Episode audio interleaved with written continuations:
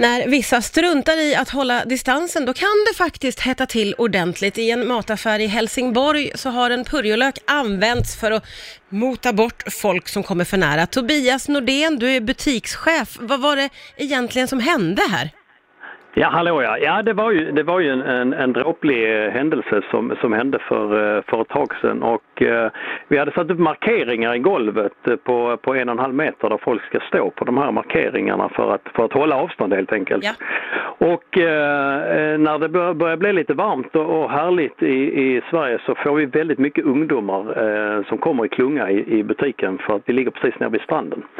Eh, och då var det mycket folk och rör, rörelse i butiken och då var det en äldre dam med munskydd och hela, hela baletten som, som lappade till eh, en yngre man eh, och hans gäng som kom lite för nära. Så att eh, de fick sig en, eh, fick smaka på purjolöken helt enkelt. Ja, ja, ja. Hur reagerade gänget?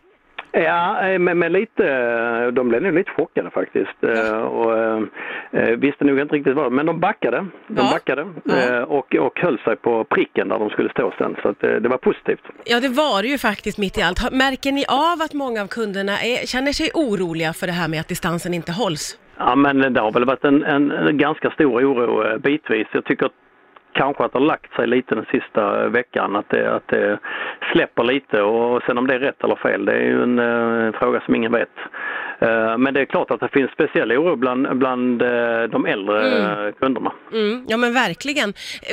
Händer det att ni i personalen får liksom gå in och styra upp eller klarar kunderna Ja, men sig det, själva? nej, de klarar väl inte detta riktigt jättebra om jag ska vara helt ärlig. Nej. Så man, får, man får påminna och när vi har väktarna här så, så går de runt och, och sätter folk på prickarna så att de, så att de håller avstånd. Men eh, bitvis går det bra och bitvis går det inte bra. Eh, nej. När det är fina dagar och varmt och fint väder så då slutar folk tänka.